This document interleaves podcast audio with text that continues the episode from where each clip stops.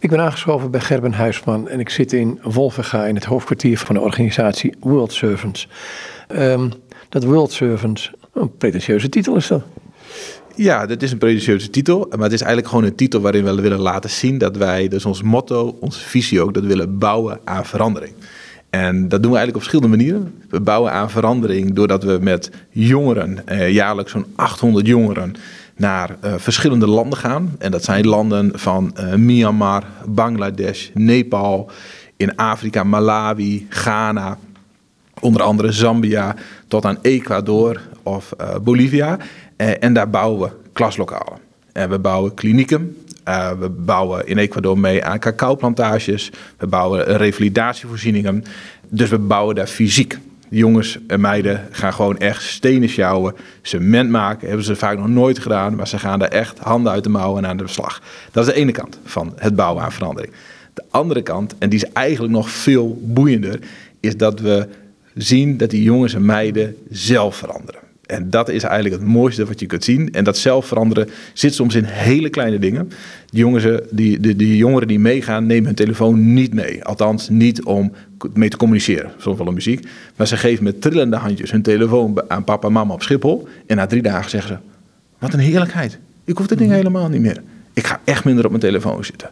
Maar we zien ook dat jongeren eigenlijk ja, onder de indruk komen van wat ze in Nederland allemaal hebben. Ehm, en soms ook niet hebben. En wat, hoe culturen die verschillende zijn, hoe ze daarmee om kunnen gaan. En dat is machtig om te zien. En dat betekent dat we, uh, doen ook onderzoek naar, dat jongeren gewoon meer zelfvertrouwen krijgen.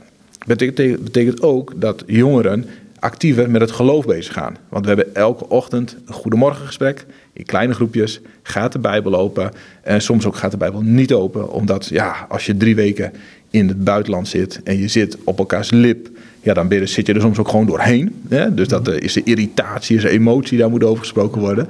Maar dat, dat, dat zien we gewoon gebeuren. En dat is zo mooi om te zien. We zien dat jongeren actiever worden in het vrijwilligerswerk.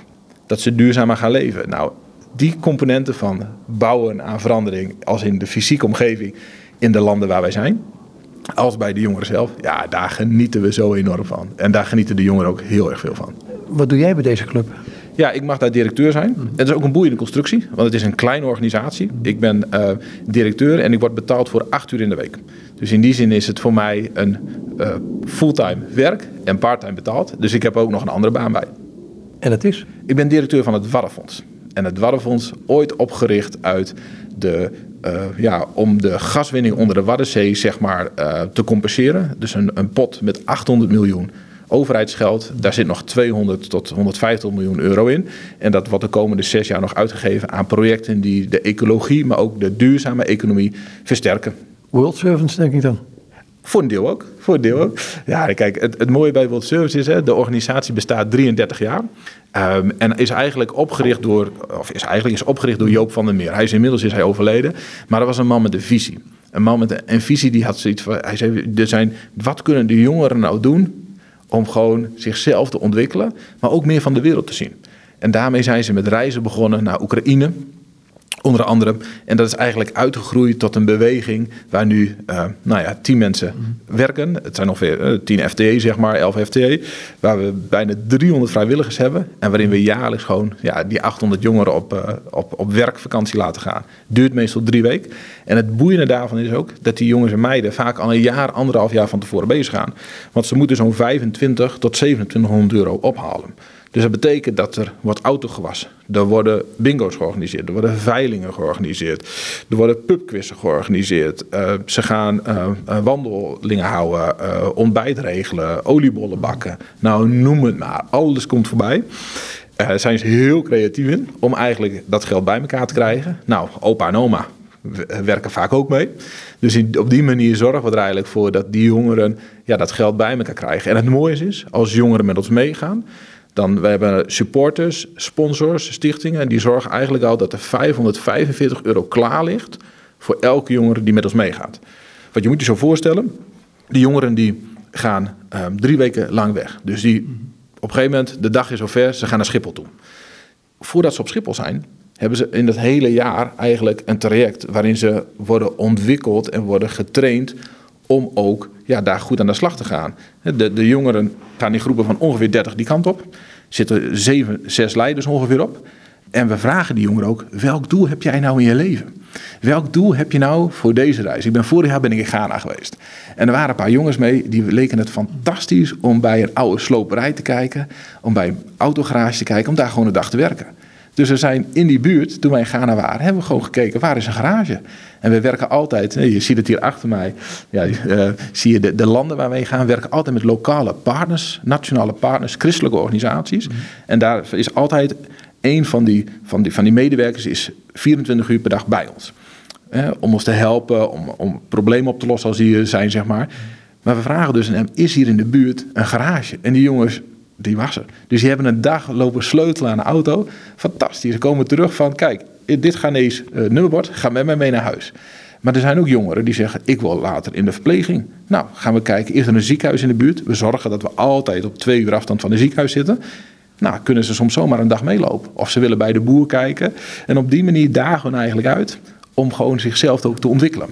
En nou, ik had het net over de leiders. Gaan per groep ongeveer zeven leiders mee. En dat is een hoofdleider, ja, die even de chief kan zijn, zeg maar, als het moet. Maar ook een medisch leider. Zodat er altijd voor uh, nou ja, het, kleine ongemak, zeg maar, uh, dat er hulp is. Maar ook een toerustingsleider. Dus iemand die gewoon zorgt dat de goedemorgengesprekken, dat allemaal georganiseerd wordt. Uh, want we houden ook onze eigen kerkdienst op zondag. Vaak gaan we naar een lokale dienst toe. Nou, dat, dat is zeg maar het moment dat je Nederlanders ziet dansen in een kerk. Hè. Fantastisch. Vaak heel houterig, maar wel mooi om te zien. Uh, daar gaat ook een kinderwerkleider mee. Want wat we doen, is daar bouwen. En vaak op de middagen kinderwerken. Dus dan komen er, ja, wij waren in Ghana, hadden wij 150 kinderen per middag, moet je nagaan. Uh, maar soms zijn het er 30, soms zijn het er 20. En daar hebben we dan ook een heel programma voor. of verhalen over de Ark van Noach of David en Goliath. Wordt uitgebeeld, wordt verteld. Dat is heel erg mooi. Uh, we hebben een bouwleider mee, want ja, er moet wel gebouwd worden. We werken altijd met lokale aannemers, want we zeggen ook wij komen om daar te dienen. Dus wij gaan niet vertellen hoe het zit. Wij gaan niet vertellen hoe het moet. Wij vragen, wat kunnen we daar bouwen? Als we een kliniek kunnen bouwen, goed zo. Hoe ziet die eruit? Ja, dat, dat, zeg je, we komen om te dienen. En dan denk ik, Nederlanders om te dienen? Ja, ja dat... we, we, we, hebben toch overal een mening over, dacht ik. We zijn niet allemaal kleine Johan Kruis, maar af en toe heb ik het vermoeden dat het het wel zijn. Ja, en dat is eigenlijk wel heel mooi. Als je dan praat over bouwen aan verandering, dan is dat dus ook al een aspect daarvan. Dat we inderdaad zeggen, wacht nou even.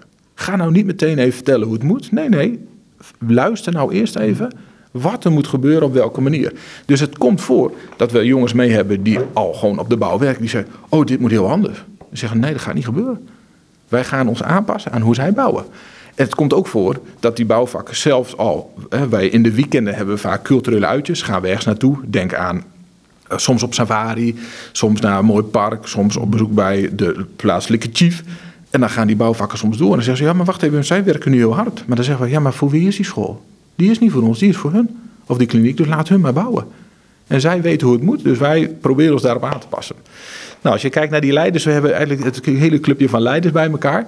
En die leiders trainen wij van tevoren ook. En wij zorgen ook altijd dat we uh, die groep, want het zijn soms groepen van, van 30 jongeren van één kerk, dat kan. Dat noemen we dan in onze term een besloten groep. Maar het kan ook allemaal losse jongeren zijn. Die uh, ontmoeten elkaar dan vaak eind april, begin mei in een voorbereidingsweekend. Zitten we in Heino. En dan hebben ze een heel weekend dat ze samen met elkaar optrekken. Doen we een teambuilding. Maar dan komen ook de setuppers. Dat zijn de mensen die de projecten van tevoren verkennen. Die komen dan daar vertellen over. Jij gaat naar. Nou, volgend jaar ga ik naar Myanmar met de groep. Jij gaat naar Myanmar.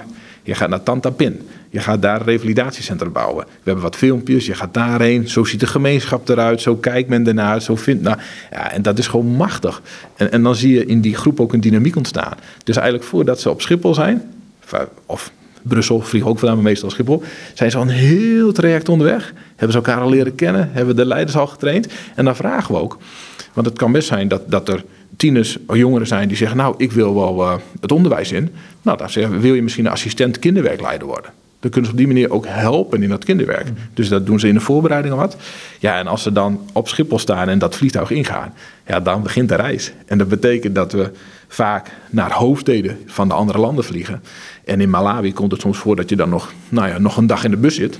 Uh, en wij zorgen altijd voor goed vervoer. Maar het is wel wat anders in Nederland. De wegen ook zijn wel anders in Nederland. Ja, dus dat is al zo'n cultuurshock. En dat is zo machtig om te zien wat voor effect dat op de jongeren heeft. En, en we slapen dan vaak in klaslokalen. Of we slapen met z'n 17 of 18. We hebben geen hotels. We slapen gewoon op de grond. Neem je matje mee. Soms zijn er matrassen. Neem je klamboe mee. En uh, nou, toen ik vorig jaar in Ghana was, ja, de douche, toen wij aankwamen, was fantastisch. De douche die kwam ongeveer tot, op, uh, nou ja, tot net onder mijn borst, zeg maar. Toen zeiden we, ja, dat is wel een probleem als dames aan gaan douchen, uh, mannen. Ja, dat, dat, dat, vonden ze ook wel. Nou, dan zet ze even in een halve dag, dan, hoppakee, twee betonblokken erbovenop. En dan is hij hoog genoeg. Ja, en dan is het met een emmertje met koud water en een bakje en dan sta je te douchen. Maar ik heb nog nooit zo'n uitzicht gehad met zulke mooie groene bergen als douche. En dat maak je dan mee. En het is ook, ook gewoon ja, boven een gat in de grond naar het toilet gaan. Dat hoort er ook bij. Dus je komt echt los van alle luxe, los van alle comfort in Nederland. Maar je gaat wel iets meemaken wat je van je leven nooit meer vergeet. En dat is wel heel prachtig om, om daar, ja, daaraan te mogen bijdragen. Uh, ja, dat, daar genieten wij enorm van. Ik kan me voorstellen, maar dan ga je met, je zegt zo'n gemixte groep neem ik even, of, of misschien zo'n besloten groep, maakt ook niet uit. Dan ga je naar zo'n land toe, um, of Myanmar of Ghana of, of uh, Malawi, uh, Gambia zitten jullie dacht ik ook. Um, en dan hebben jullie die kerkdienst. Dan gaan we naar een lokale kerkdienst, dan zie ik mensen dansen. En dan denk ik, ja, dan komen ze terug. Doen ze hetzelfde hier ook? Of... Nee, maar ik heb het wel eens gemerkt, hè, dat, je, dat je dus in het buitenland um, kun je in wezen als gereformeerd bij een baptistenkerk zit, of als baptist bij een uh, evangelische kerk, of bij...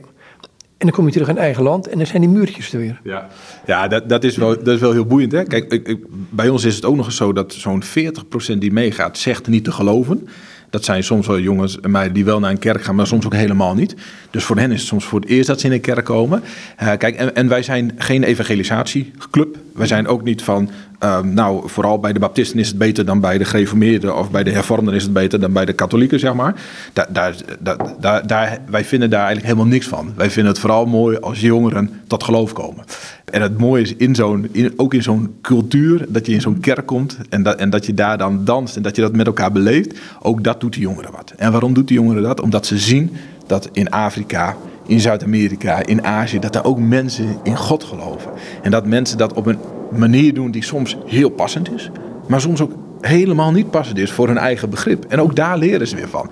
En als ze dan weer terugkomen in hun eigen gemeenschap, in Nederland, naar hun eigen kerk gaan, denk ik, nou, dan hoop ik dat het bijblijft dat we allemaal christenen zijn. En dat waar je ook, welke plek je ook hebt, in welke kerk je ook zit, dat je het met elkaar samen mag optrekken. En dat die verbondenheid mag blijven. En dat, ja, dat vinden we mooi. We maken het ook wel eens mee dat jongeren van verschillende kerken uit het dorp met ons meegaan. Terwijl die kerken nog wel eens wat moeite hebben om, eh, om wat voor reden dan ook met elkaar. En dat ook die kerken eigenlijk meer contact met elkaar krijgen. En dat zien we ook. We zien ook jongeren die met ons meegaan, die eigenlijk samen, s'avonds soms om een kampvuur zitten en zeggen: uh, Vertel eens, uh, ik, uh, jij bent hervormd, ik ben gereformeerd. Wat zijn de verschillen eigenlijk? En heel vaak zijn ze, gaan ze zoeken naar de verschillen omdat ze het gewoon niet weten. En, en, en we zijn ook niet voor één, één grote wereldkerk, helemaal niet. Maar we vinden dat gesprek vinden gewoon heel mooi. En met onze leiders hebben we het er ook gewoon over. Kijk, ik ben zelf zit ik bij de Vrije Baptisten, maar ik ben vooral een christen. Maar, maar dan hebben we het er ook over. Ga dus er niet propageren dat de volwassendoop de juiste doop is. Nee. Ga gewoon, als er vragen over de doop zijn, leg gewoon uit hoe het, welke verschillende zijn.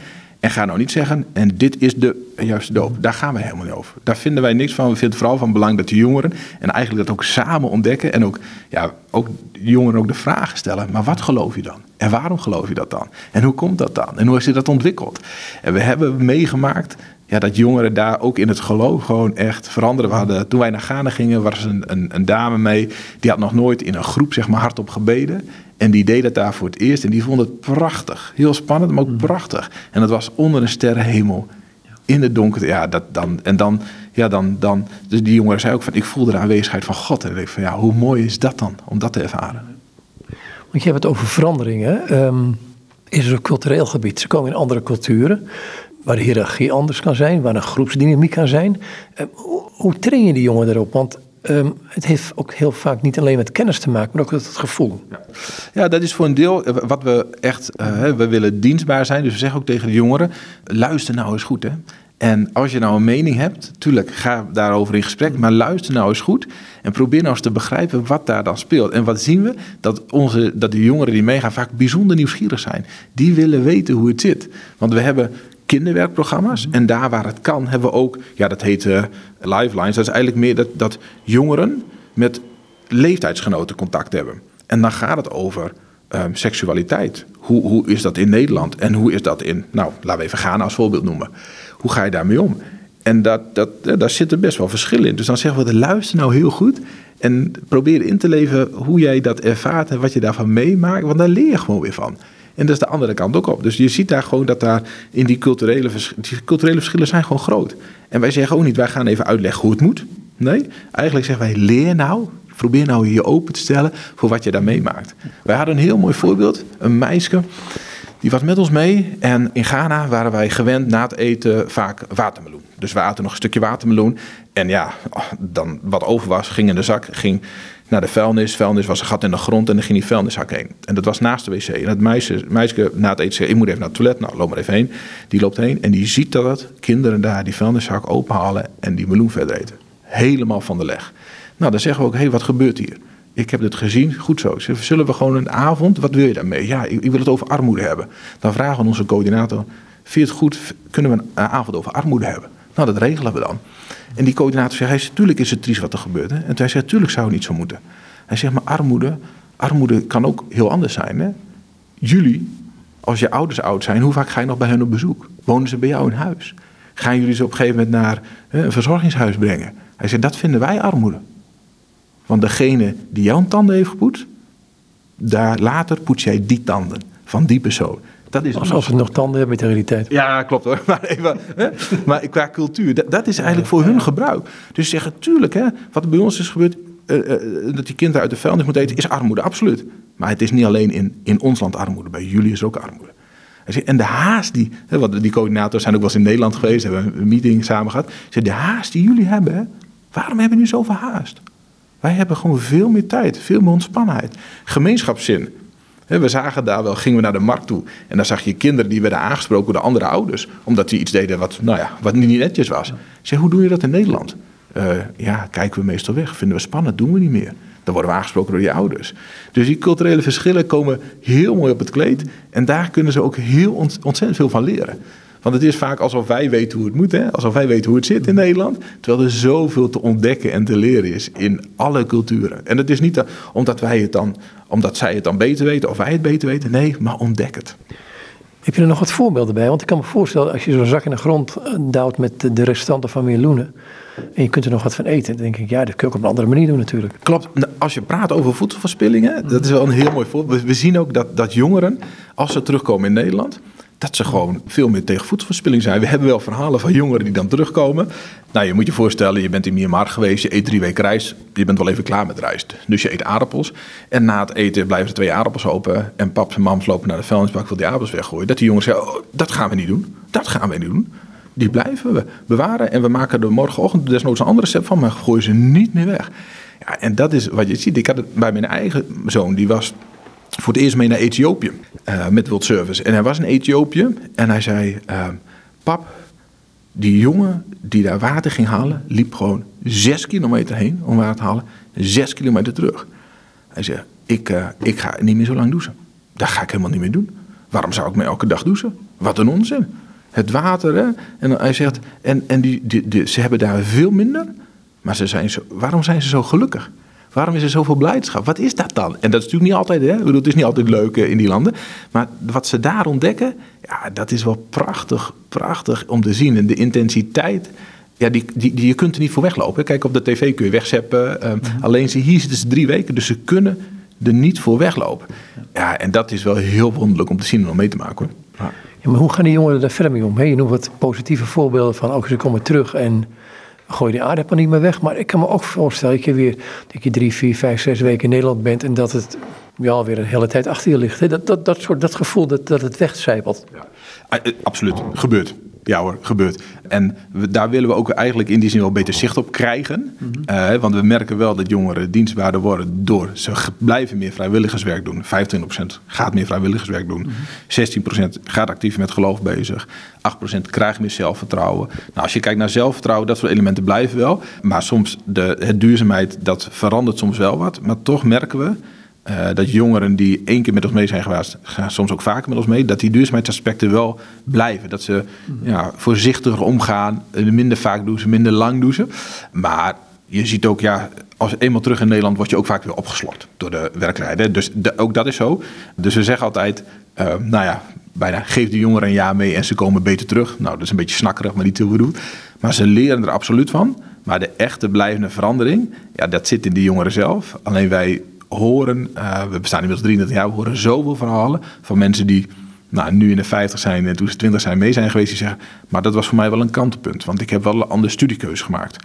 Of ik heb een andere relatiekeuze gemaakt. Of ik heb wel gezegd, nou, ik wilde bijvoorbeeld voor het grote geld gaan, maar ik werk nu bij een organisatie waar ik nog prima geld verdien, maar ik ga wel wat vaker dit soort reizen doen.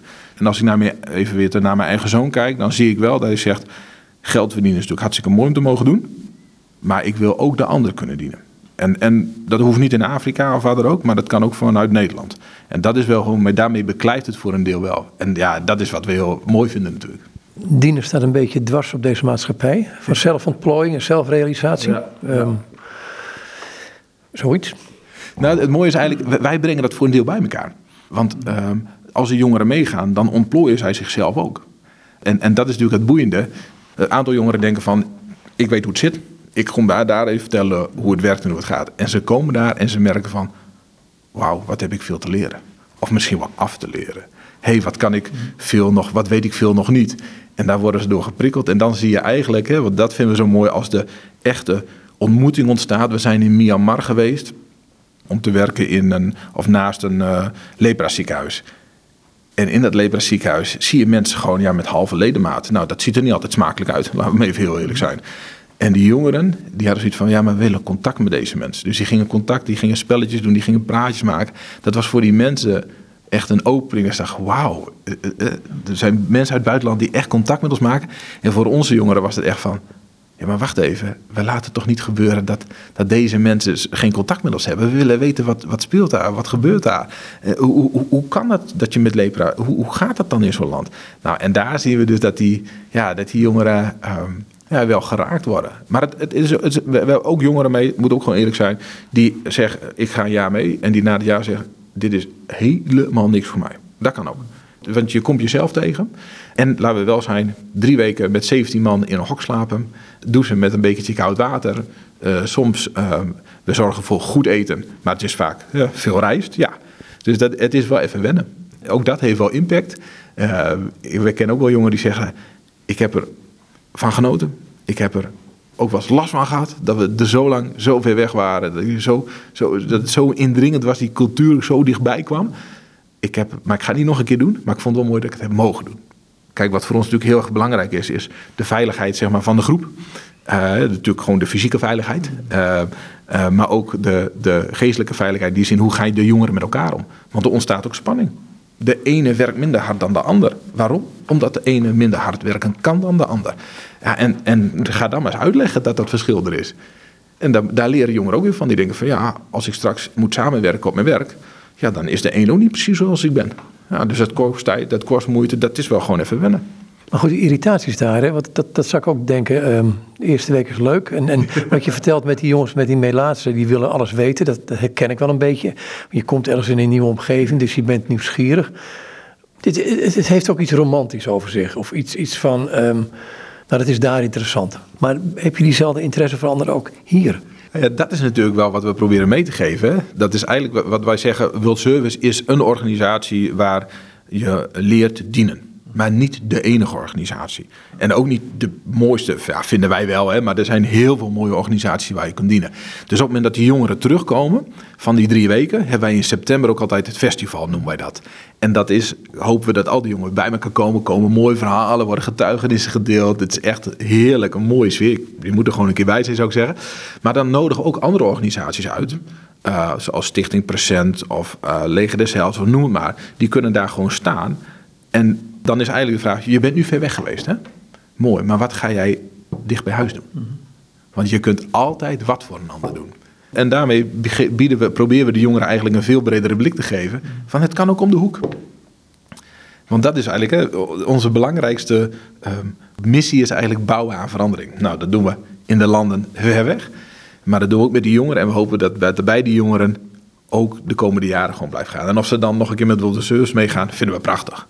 Maar als ze dan met een andere organisatie meegaan, of dat ze gewoon de buurvrouw wat vaker gaan helpen die moeite heeft met boodschappen doen, dat soort elementen, ja, dat vinden we eigenlijk heel mooi. En, en dat zien we ook al in het jaar eigenlijk voorafgaand als ze het geld bij elkaar halen.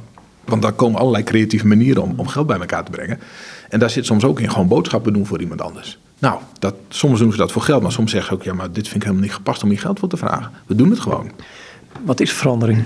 Verandering is, is uh, laat ik het zo zeggen, uh, wij vinden verandering is eigenlijk op het moment dat je je blikveld breder openzet, ziet wat er meer is dan je eigen leven, dan je eigen normen en waarden, dan je eigen, ja, het kader waar je bent in opgevoed, dat je daar kennis van neemt en dat je dan kijkt, hé, hey, hoe kan ik nou veranderen? En als je dan kijkt naar waarom doen we dit? We zijn een christelijke organisatie. Ja, wij willen eigenlijk dat die, dat die jongeren gewoon eh, in die zin eh, Jezus gaan navolgen. En wat deed Jezus? Hij diende. Allerlei verschillende manieren. Hij deed het volmaakt, wij zijn niet volmaakt. Maar hoe kunnen wij het wel doen? En dat kan soms ver weg, maar dat kan ook net zo goed heel dichtbij. Nou, op die manier, dat is. Dus verandering is voor ons echt eigenlijk. Ja, zorgen ervoor dat jongeren een breder perspectief krijgen. Dat jongeren ook bewust worden van hun eigen capaciteit ook. want ook daar, ja, soms zitten jongeren zo in een keurslijf, zeg maar. En op het moment dat ze uit dat keurslijf komen en in een totaal andere omgeving komen, dan zien ze ineens van: maar wacht even, ik vind metselen geweldig. Nog nooit gedaan, maar dit is wat ik wil. Of wacht even, ik ben nu. We, hadden, we hebben wel jongens die meegaan. En die zeggen dan: Ja, ik, ik ga wel bouwen, maar dat kinderwerk. Oh, met die kinderen. Nee, daar, ga ik niet. Nou, nou oké, één keer dan. Eén keer. En ze doen dat een keer. En ze zien die kinderen in enthousiasme aan hun zitten en op hun klimmen en werkjes maken. En die jongens komen terug en zeggen: ehm, Ik sta maar één keer ingedeeld bij het kinderwerk. Kan dat nog een paar keer? Nou, dat, hè, daar zien we dus daar zien we de verandering. Gaat die jongen in dit geval dan verder in, in het onderwijs? Weet ik helemaal niet. Maar wat hij heeft geleerd, zijn perspectief van... hé, hey, kinderen, even mijn gedachten, ver weghouden... want die zijn vervelend en uh, nou, dat wil ik helemaal niet... tot aan, wat is dit mooi, wat kan ik hiervan leren? En andersom geldt ook dat jongens en meiden die zijn aan, uh, aan het metselen... en denken van, ja, wat, wat is dit machtig? Of die zijn in, in zo'n cultuur en denken van... ja, maar wacht even, Kijk eens naar hoe die mensen hier geloven. Hoe ze in volle overtuiging op, op God vertrouwen. Dat wil ik ook. Daar wil ik ook. En de jongeren leren ook van elkaar. Dat is een jongen die zegt, hè, ik neem hem met een garage die wil graag een, een garage bekijken. Dus jongen komt terug in Nederland uh, en wordt automonteur gewoon. Ja, klopt. Dat, dat, heel, we zien het gewoon. We zien dat jongeren, nadat ze met Wilseurs mee zijn gegaan, soms van studie switchen. Omdat ze ineens denken van, wacht even, dit is nou wat ik wil. Nou weet ik. Maar, maar in relatie tot het dienen over zee, om het zo te zeggen, of in een ander land, of daar waar je woont. Want ook automonteur in Nederland zijn kan een eerbetoon aan God zijn natuurlijk. Nou, absoluut. Kijk, het, het, ik, het wordt vaak, um, laat ik zo zeggen, waar roept in mijn beleving de Bijbel toe op? Om de Heer te dienen met al je hart en daarnaast als jezelf. En dat betekent niet dat wij allemaal voorganger worden. Betekent niet dat wij allemaal een beroep hebben waar je eigenlijk zou kunnen zeggen elke dag het evangelie deelt of uitleeft. Hè? Maar dat kan in elk beroep. Elk beroep kan dat. Of je nou automonteur bent, of je staat voor de klas, of je bent een techneut die prachtige dingen maakt. Ik ben ervan overtuigd dat ehm, God ons, dat is de verscheidenheid, ook zoveel gaven en talenten heeft gegeven. Als we die kunnen benutten op de plek, ja, dat is gewoon prachtig om te doen. En dan kan het prachtig zijn om automonteur. Ik bedoel, ik heb een auto, nou, ik kan er heel weinig mee. Dus ik ben heel blij dat er hele deskundige automonteurs zijn die dat heel mooi kunnen. Ja, dat begrijp ik, maar dat is het punt niet. Het punt is van, um, wat, je, wat je al aangaf, dat mensen vaak denken, oké, uh, nu ben ik mee geweest, ik wil God dienen. Stel dat ze komen tot geloven, of ze zijn al gelovig. Dan denk ik, ja, komt die notie ook binnen dat je God gewoon kunt dienen met de alledaagse dingen die je gewoon doet, wat je net zei. Want, want, daar, daar ligt voor mij soms zo'n zo hiaat van. Ja, hij is voorganger, dus hij dient God. Nee, zeker. Kijk, voor, een deel is dat al omdat als je kijkt naar de leiders die meegaan, dat zijn um, vaak mensen die al werken. En dat zijn mensen die werken in de sportwinkel, dat zijn mensen die zijn ambtenaar, dat zijn mensen die zijn politieagent, dat zijn mensen die werken bij een bandenfabriek, noem het maar, in de hele breedte. Dus daar zien ze al van, hey, ik kan gewoon God dienen en gewoon een functie hebben. Kijk, als je kijkt naar hoe, hoe gaan wij daarmee om? Wij dagen die jongeren eigenlijk uit. Hè? En, en wat we zien is dat uh, na die tijd die groepen vaak ook nog wel contact houden. En die leiders soms ook nog wel even contact houden. En dat we soms ook nog wel uh, zien dat jongeren uh, hun studiekeuze veranderen. En dat is nou niet omdat ze allemaal ineens theologie gaan studeren. Nee, eigenlijk omdat ze gewoon eh, eh, ontdekken waar zij vaardig in zijn. En nou, je zou kunnen zeggen, op de, komen op de plek waar God hun graag zou willen hebben. En dat kan in een hele brede range zijn. Ik zie hier ook ehm, langs die muur hangen een aantal borden met ehm, wat jullie allemaal doen, verschillende landen. Zie ik het goed dat daar ook Zuid-Amerikaanse landen bij zitten? Ja, zeker. Wij zitten in, uh, in Bolivia, in Ecuador. We gaan uh, voor het nou ja, laten we zo zeggen, dit jaar gaan we dus niet op reis vanwege corona. Maar we zouden dit jaar voor het eerst sinds lange tijd weer naar Brazilië gaan. En we zouden dit, eerst voor, het eer, voor dit jaar voor het eerst naar Panama gaan. Dus in die zin, wij kijken ook altijd naar, kunnen we nieuwe landen bijkrijgen waar we mee samenwerken. Maar, maar Panama, het kanaal is af. Ja, zeker. Het kanaal is af, absoluut. Alleen uh, daar is uh, nog steeds, als je kijkt naar onderwijs, is daar gewoon wel een achterstand op sommige plekken. En dat is natuurlijk ook wel de boeiende. We gaan ook naar Brazilië. En Brazilië hoort wel bij de BRIC-landen, dus bij de landen die veel in ontwikkeling zijn. Maar de, de verschillende landen is soms zo groot dat we zeggen, wij hebben toch daar reden om daar aan de slag te gaan. En dat geldt hetzelfde met Myanmar, een land wat lang onder een militaristisch regime heeft gestaan. Sinds vijf, zes jaar open gaat. Ja, toen wij daar voor het eerste jaar heen gingen, ja, toen was er ook constant iemand van de overheid bij. Die in een boekje dingen opschreef waarvan we niet wisten wat het was. Maar, en, en nu zijn we een aantal jaren en nu merken we dat voor ons, ja, die overheidsfunctionaris is niet meer mee. Dus in die zin kijken wij altijd wel naar welke landen kunnen wij uh, werken. Want wij gaan niet naar oorlogsgebieden, dat, dat, we gaan niet met die jongeren naar dat soort plekken. Maar we willen wel naar die jongeren, naar plekken toe waar ze echt iets kunnen bijdragen. Door die corona, je noemde het net al, is er een lockdown gekomen. Snap je dat? Snappen, ik vind hem ingewikkeld. Kijk, in Nederland was de lockdown, hoe vervelend het ook was. Hè? Ik bedoel, ik wil er niks aan afdoen. Mensen zijn hun baan kwijtgeraakt, dus heel vervelend. Maar meestal deden wij de koelkast open. Uh, of keken we even op de app thuisbezorgd en dan bestelden we wat. In de landen waar wij werken uh, betekent een dag uh, lockdown een dag niet naar buiten kunnen. En als je een dag niet naar buiten kunt, kun je een dag niet werken. En als je een dag niet werkt, heb je die dag gewoon geen eten. En dat is knijterhard. En dat, daar hebben wij wel gewoon moeite mee. Aan de andere kant, kijk, het kan niet zo zijn dat wij met onze jongeren naar deze landen gaan, terwijl de gezondheid wel in het geding is. Dus we snappen het heel goed. Maar het is natuurlijk voor al die jongeren die een jaar bezig zijn, is het, ja, is het een hard gelach is het echt. Uh, en, ook voor de, voor de projectcoördinatoren. Hè, want we werken daar altijd in lokale gemeenschappen. Dus zo'n lokale gemeenschap die, die hoort een jaar, anderhalf jaar van tevoren. Jongens, over een jaar komt er een groep van 30 Nederlanders. Nou, leg dat maar eens uit. Hè? Waarom doen die Nederlanders dat? Dus die staan klaar om ons op te vangen. En ineens was het, ja, ze komen niet.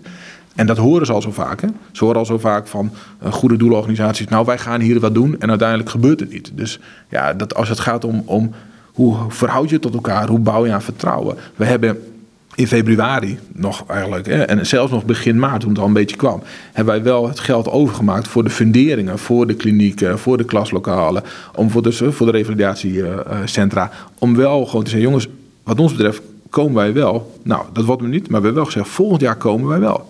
En wat mooi is, er zouden dit jaar meer dan 800 jongeren mee. En als je kijkt, dat hebben nu ongeveer 20 jongeren gezegd van... Het gaat, mij niet, het gaat mij niet lukken. Maar de rest zegt, wij gaan volgend jaar. En dat vind ik ook wel prachtig, dat die jongeren zeggen...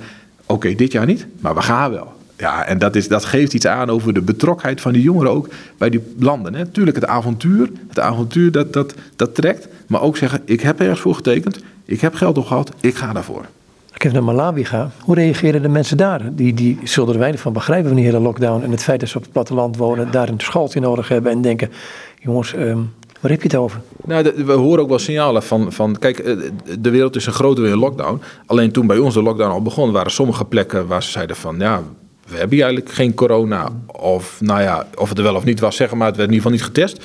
Men vond het een hard gelach. Men vond het heel lastig soms om te begrijpen. Uh, uiteindelijk nu de hele wereld zeg maar, met deze uh, pandemie te maken heeft, zie je wel dat er meer begrip is. Maar het was in het begin wel even lastig uit te leggen. Uh, en datzelfde geldt ook nog wel van, ja, uh, we hadden, omdat we nu niet op reis gaan, hebben we af en toe uitzendingen via YouTube voor alle deelnemers, zeg maar. En dan halen we af en toe ook zo'n landencoördinator, die is dan in de uitzending, dankzij de mooie technieken. En dat was de landencoördinator van Brazilië ook, die was nou drie weken geleden in de uitzending. Hij zei, nou, het lijkt erop dat in Brazilië het hoogtepunt nog moet komen. Ja, kunnen we daar volgend jaar heen? Ik bedoel, wij gaan ervoor om dat mogelijk te maken. Maar het, het, is, het, het is nog een, nou ja, we, hebben, we staan 33 jaar en met deze onzekerheid hebben we nog nooit te maken gehad. Maar goed, jullie gaan gestuk door. Uh, wat, wat zijn de projecten die op stapel staan nu? Ja, wat wij, uh, nou, het is eigenlijk wel mooi hè? Als, je, als je kijkt naar de projecten die er gaan komen. En dan kijk ik bijvoorbeeld even naar uh, Malawi, daar gaan we lerarenwoningen bouwen. Want wat zien we vaak? Hè? Wij werken altijd met partners in die landen samen. En die partners, dat zijn christelijke organisaties, maar die zijn altijd wel in goed contact met de overheid. En vaak werkt het zo, als er een school wordt gebouwd, dan zorgt de overheid voor de leraren. Want wat willen wij niet? Even heel flauw, we bouwen een school en drie weken later staan een geit in. Dus wat wij doen is eigenlijk twee jaar van tevoren al contact met de gemeenschap via de van hoe komt het, kan het? Hè? Want de gemeenschap moet ook echt meedoen. Die zorgt ook vaak voor stenen en water en zo. Dus die helpt echt mee. Dan bouwen wij bijvoorbeeld de school. En dan houden we, monitoren we nog vijf jaar. Want we willen weten, gaan er nu meer kinderen heen? Komen de leraren ook? Nou, als we nu kijken naar Malawi, dan worden er lerarenwoningen gebouwd. En waarom wordt lerarenwoning gebouwd? Omdat die leraren vaak pas komen als de woning vlak bij school staat. Of het wordt voor hen makkelijker omdat de woning dan dichter bij school staat. Die afstanden zijn dan gigantisch. Ja, en, en, soms, de afstanden zijn gigantisch en soms zijn de afstanden niet zo groot. Maar ja, een openbaar vervoer is er niet. De wegen zijn gewoon minder. Dus waar wij uh, in, een, nou ja, uh, in 30 kilometer uh, eh, 20 minuten of zo over doen, ja, daar doen zij soms een, een, een dag over. Zeg maar. Dus een hele andere context. Dus we gaan lerarenwoningen bouwen. Nou, als je bijvoorbeeld kijkt naar Myanmar, daar gaan we revalidatiecentra bouwen voor mensen met lepra. Nou ja, daar kunnen ze weer krijgen ze protheses, kunnen ze weer leren wandelen en eigenlijk gewoon revalideren en weer meedoen in de maatschappij. Als je kijkt naar uh, Ecuador, daar bouwen we cacao-ruimten, zeg eigenlijk, hè, voor, voor de gemeenschappen, zodat die het cacao beter kunnen bewerken en dat ze een betere prijs ervoor krijgen, dus dat hun levensstandaard ook omhoog gaat. In, in Oeganda bouwen we een kleuterschool met wc's en ook met een keuken. Ja, en zo kijken we eigenlijk steeds ook in, in overleg met, uh, met onze partners, waar kunnen we wat bouwen en als je kijkt naar Zambia bijvoorbeeld, ja, daar gaan we de kliniek die al eerder is gebouwd, Imiloso, die gaan we uitbreiden. Zo kijken we steeds naar wat, wat kunnen we op welke manier bouwen. Uh, om ervoor te zorgen dat we ja, niet zelf even ons eigen ding daar komen doen, maar echt in goed overleg met de, de landen uh, om dat te doen. Ontstaan er nou ook van die. Uh, ik, ik, soms gaan jongeren op reis, soms denken van hé. Hey, vanwege het leuke meisje wat ook meegaat. Zeker, D dat gebeurt. Dat gebeurt. En sterker nog, uh, als ze die niet hebben, dan komen ze die soms ook nog wel tegen op reis. In een goed jaar hebben we wel eens 20 World Service baby's, zeggen wij dan. Dus er ontstaan relaties die uh, uh, soms overgaan, maar soms ook bij elkaar blijven, die trouwen. Wij hebben dan op het moment dat er zo'n kleintje wordt geboren, zelfs een World Service rompertje. Die dan wordt opgestuurd. Zo van, want heel veel mensen houden ook contact met ons. En heel vaak als er dan uit zo'n relatie een kleintje wordt geboren, krijgen we ook nog een geboortekaartje. we zijn geen datingbureau, daar doen we het ook niet voor. En dan, dan lijkt het zo wel op, ja. nou ja, het is, kijk, als je, als je drie weken op elkaars lip zit, want dat doe je. Ja, maar dat zeggen ze wel eens van operatie mobilisatie. En die schepen van uh, Mercy Ships, ja, Logos Dollars en dat soort dingen. Ja. voor een deel is dat wel, want je zit zo dicht op elkaar. Je bent zo bij elkaar. Ik bedoel, je slaapt met 17 jongens. Jongens en meiden slapen apart en gescheiden en zo. Maar je bent wel drie weken bij elkaar op stap. Dus ja, je ontmoet elkaar. En het boeiende is ook, dat zie je ook. Hè. Je kunt, kijk, als wij nu een dag met elkaar optrekken, kunnen we best ons, onze beste kant laten zien. Hè. Dat lukt wel. Maar drie weken lang, ja, dan moet je jezelf wel laten zien. Echt hoe je bent. Ja, en dat is, dan ontstaat er af en toe een vonk. En dat is prachtig om te zien. En, en sterker nog, we zien nu al zelfs dat sommige kinderen die geboren worden in die relaties weer met ons meegaan.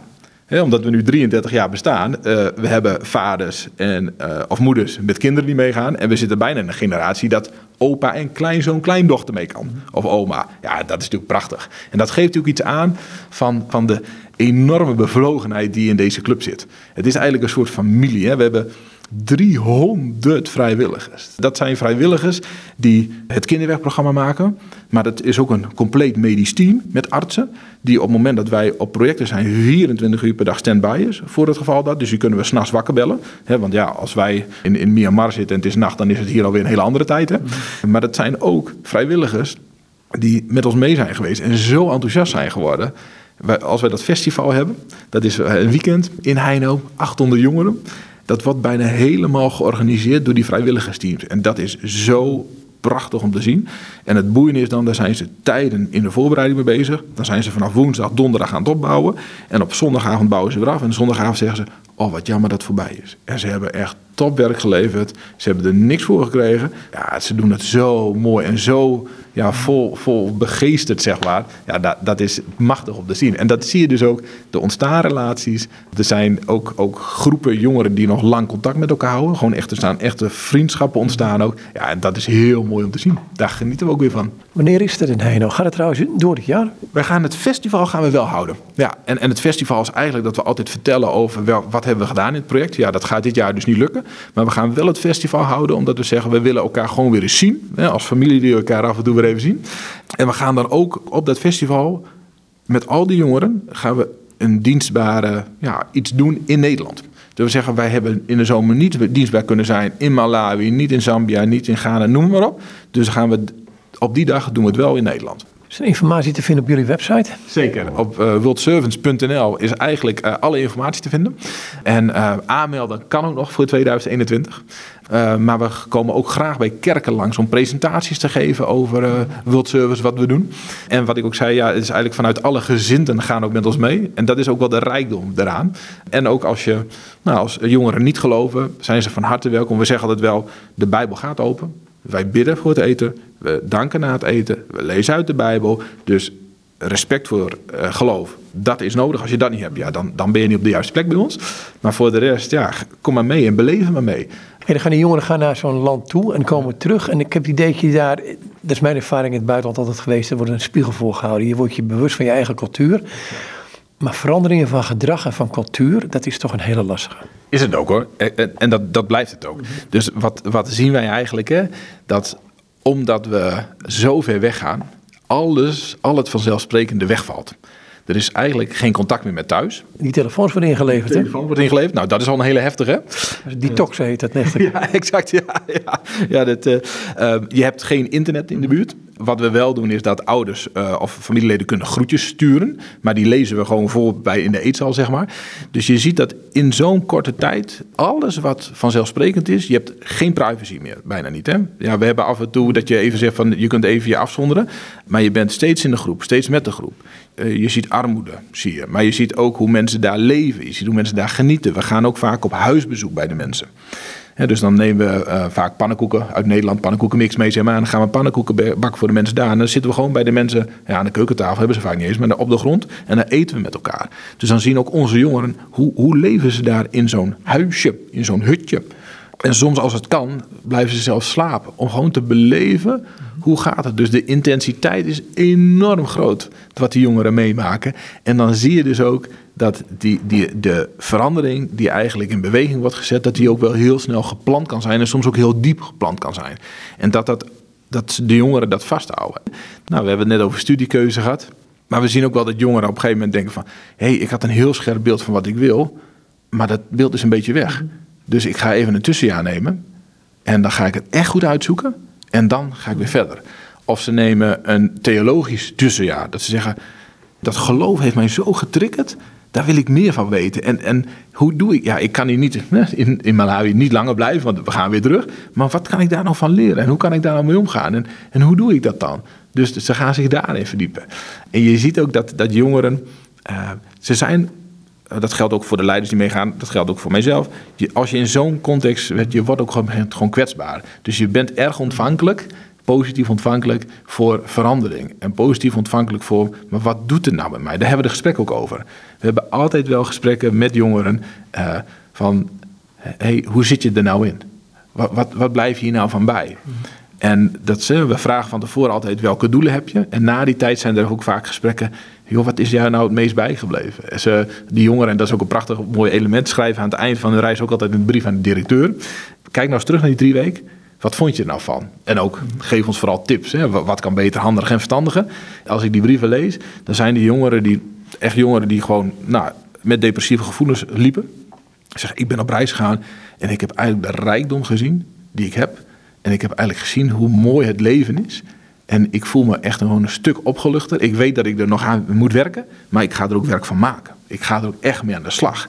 Want dit wil ik niet bij me houden. Nou, het woord wat je gebruikt, je kunt er heel, ook emotioneel heel kwetsbaar worden. Absoluut. Uh, je zit dicht op elkaar, je hebt geen privacy. Uh, stilte kun je schudden. Die is er vaak niet zo, is mijn ervaring. Maar die kwetsbaarheid is een linkerkant is dat. Dat heeft een linkerkant. Ja, zeker. Dat is ook waar we onze leiders ook op trainen. En zeggen van, kijk ook heel goed in de groep van wat doet het. Hè? Want we krijgen jongeren mee van allerlei pluimage. En we vragen jongeren van tevoren, vul een gezondheidslijst in. Hè? En waar we ook in vragen van, uh, gebruik je medicijnen? Ben je gewoon fysiek ziek geweest? Maar ja, misschien ben je ook wel, heb je ook wel geestelijke zorg gehad de laatste mhm. tijd. Nou, vul, uh, vul, het alsjeblieft eerlijk in. Niet dat wij dan van tevoren zeggen, nou Pietje, die is... Uh, nee, dat gaan we niet doen. Maar dat wij als leiders daar even zicht op hebben.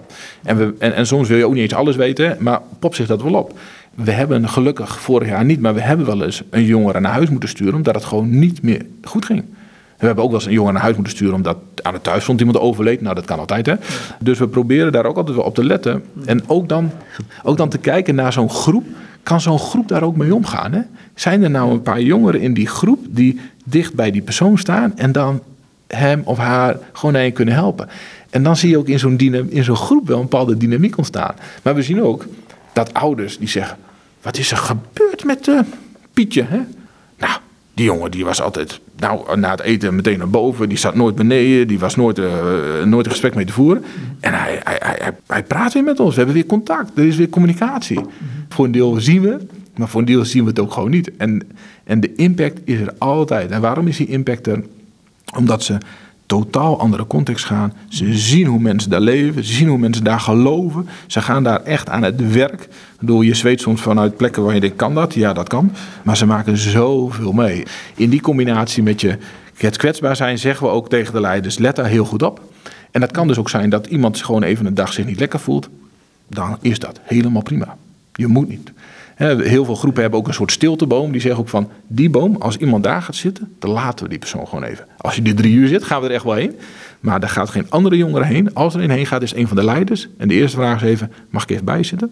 En als zo'n jongen zegt, nu nog even niet, prima, doen we het ook nog even niet. Want soms wil je even tijd voor jezelf. Ja, wat manipulatie ligt op de loer op zo'n moment. Ja, nou kijk, manipulatie, het beïnvloeden, je wordt beïnvloed. Je wordt beïnvloed. Hè? Dat zeggen we ook tegen, tegen onze leiders, van let wel op, je kunt heel veel zeggen, maar wat je doet, daar let ze echt op. Dus we vragen van onze leiders ook wel gewoon voorbeeldgedrag. Echt voorbeeldgedrag. Dus op het moment dat er het even zwaar en moeilijk is, als leider verwachten we wel, en natuurlijk als leider ga je ook dingen mee maken, en daarom ben ik met de groep, maar dat je wel het goede voorbeeld blijft geven. Dat je wel het gesprek blijft aangaan. En dat is ook wel spannend, want ja, die leiders zijn ook wel eens moe. Die hebben ook wel eens uh, een, een slechte nacht gehad. En daarom is het ook mooi dat we met een groep leiders gaan, dat je kunt zeggen, joh, als jij ook als leider vandaag even minder in je vel zit, dan mag dat. En dan mogen die jongeren het ook zien. Ik heb in Ghana gehad, we waren, we hadden net de, de lunch gehad en we zouden weer aan het werk. En ik zit nog op die veranda en ik ben gewoon in slaap gevallen. Ik was op. En die jongeren vonden het machtig. Je hebt dus foto's gemaakt, hè? ja, ja, zeker. Oh, hadden, ze, hadden ze mogelijk een foto's te maken ja, Zeker, ja, zeker. Ja, ja, want kijk, er komen uh, fotoboeken echt ongelooflijk veel langs. Daar zijn foto's van gemaakt. En achteraf vond ik het wel mooi. Ik denk van, ja, je, ook ik mag gewoon moe zijn. En ik was gewoon helemaal op. En ik heb heerlijk geslapen. En toen zeiden de paar jongeren, nou, als jij dat kan, dan kan ik dat dus ook. Ik zei, ja, weet je, we gaan wel aan het werk, maar als het je overkomt, dan moet je gewoon even een stapje terug doen. Dan is dat hartstikke goed. In Ghana was ik vaak vrij vroeg wakker. En dan ging ik uh, zitten op het houten bankje vlak bij de slaapplek. En dan uh, ging, de, ging ik wat uit de Bijbel lezen en wat bidden. En soms kwamen de jongeren bij. Die zeiden, Gerben, wat, ben jij aan het doen? Ik zei, nou, ben de Bijbel lezen. En waarom dan? Waarom lees jij de Bijbel? Vind je dat geen oud boek? Ja, waarom? Vertel eens. Omdat de Bijbel is voor mij echt de inspiratiebron. Hmm. Echt een, het is voor mij een heel praktisch boek. Soms een heel ingewikkeld boek, maar het is een enorme inspiratiebron. En het is voor mij echt de drive. Hè? Ik bedoel, mijn, mijn dooptekst is Matthäus 6 vanaf vers 25. En dat gaat ook, kijk naar de vogels. Ze zaaien niet, ze maaien niet. Hè? En zoek eerst het koninkrijk van God. En dat is voor mij zo'n wezenlijk onderdeel van mijn leven. Dat ik daarmee, als ik het koninkrijk van God niet meer zoek, ja, dan mis ik wat in mijn leven.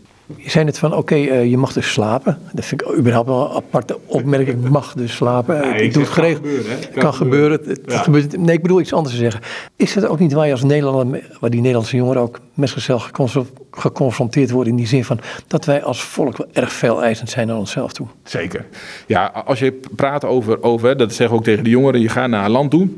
In Nederland, als de bus die om tien over tien zou komen, om twaalf over tien er nog niet is, denk je, ja, nou lekker dan hier eh, vragen wij of de bus om acht uur komt. En misschien is hij nu wel om tien uur. En, en sommige jongeren die raken daar van de leg de eerste keer. Uh, maar daar leren we wel van. En dat heeft ook iets te maken met hoe sta je in het leven. Hè? Oh, Jongens, de haast die wij altijd hebben, de druk, de stress. Waarom, hè? Ik daar ook, dan zitten we in zo'n hutje, zeg maar. En dan zijn we daar uh, aan het avondeten met die mensen. En die mensen hebben niet veel. En dan gaan we weg.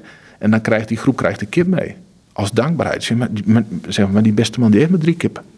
Met zijn gezin, met vier kinderen. En dan geeft hij één van zijn kippen aan ons. Terwijl, ja, wij willen ook wel wat geven vaak. Maar dan moeten we eerst dat en dat en dat, dat en dat en dat op orde hebben. Dan gaan wij geven. Terwijl die mensen daar veel meer zitten van, wat ik heb, daar wil ik van delen. Daar wil ik van geven.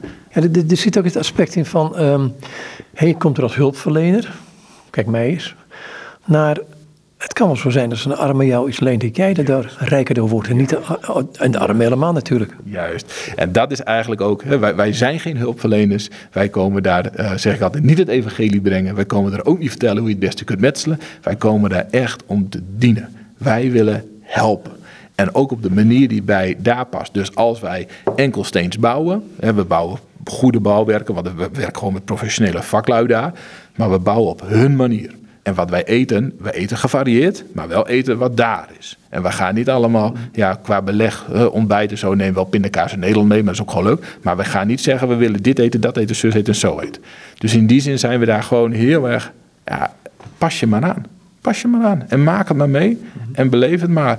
En ja, als dat betekent dat je, dat je dan uh, iets eet wat je nooit hebt gegeten, nou, hoe mooi is dat? Kun je er ook weer van leren. Of als dat betekent dat je in een gezin terechtkomt waarvan je denkt van hoe gaat het allemaal hier? Maar maak het maar mee. Ja. Beleef het. Ja, goed, je zei net over die, die, die mensen die een kip meegaven. Misschien is dat hun rijkdom wel, dat zij die kip weg kunnen geven. Exact, dat is het. En wat hebben wij ervan te leren, denk ik dan? Exact, nee, maar dat is het. Dus de, de hele de spiegeling vanuit onze maatschappij. Jezus zegt het is rijker om te geven dan te ontvangen. Hè? Dat is wat ze daar gewoon in de praktijk zien. Het lijkt heel overzichtelijk. Hè? We gaan daar eten, en ze krijgen een kip mee. Ik denk, ja, wat moet je nou met die kip? Hè? Bedoel, maar, maar eh, eh, de gedachte daarachter. En als je daarover doorpraat, ja, dan raak je de harten van de jongeren, maar ook de harten van de leiders en ook mijn eigen hart. Wat raak je dan precies?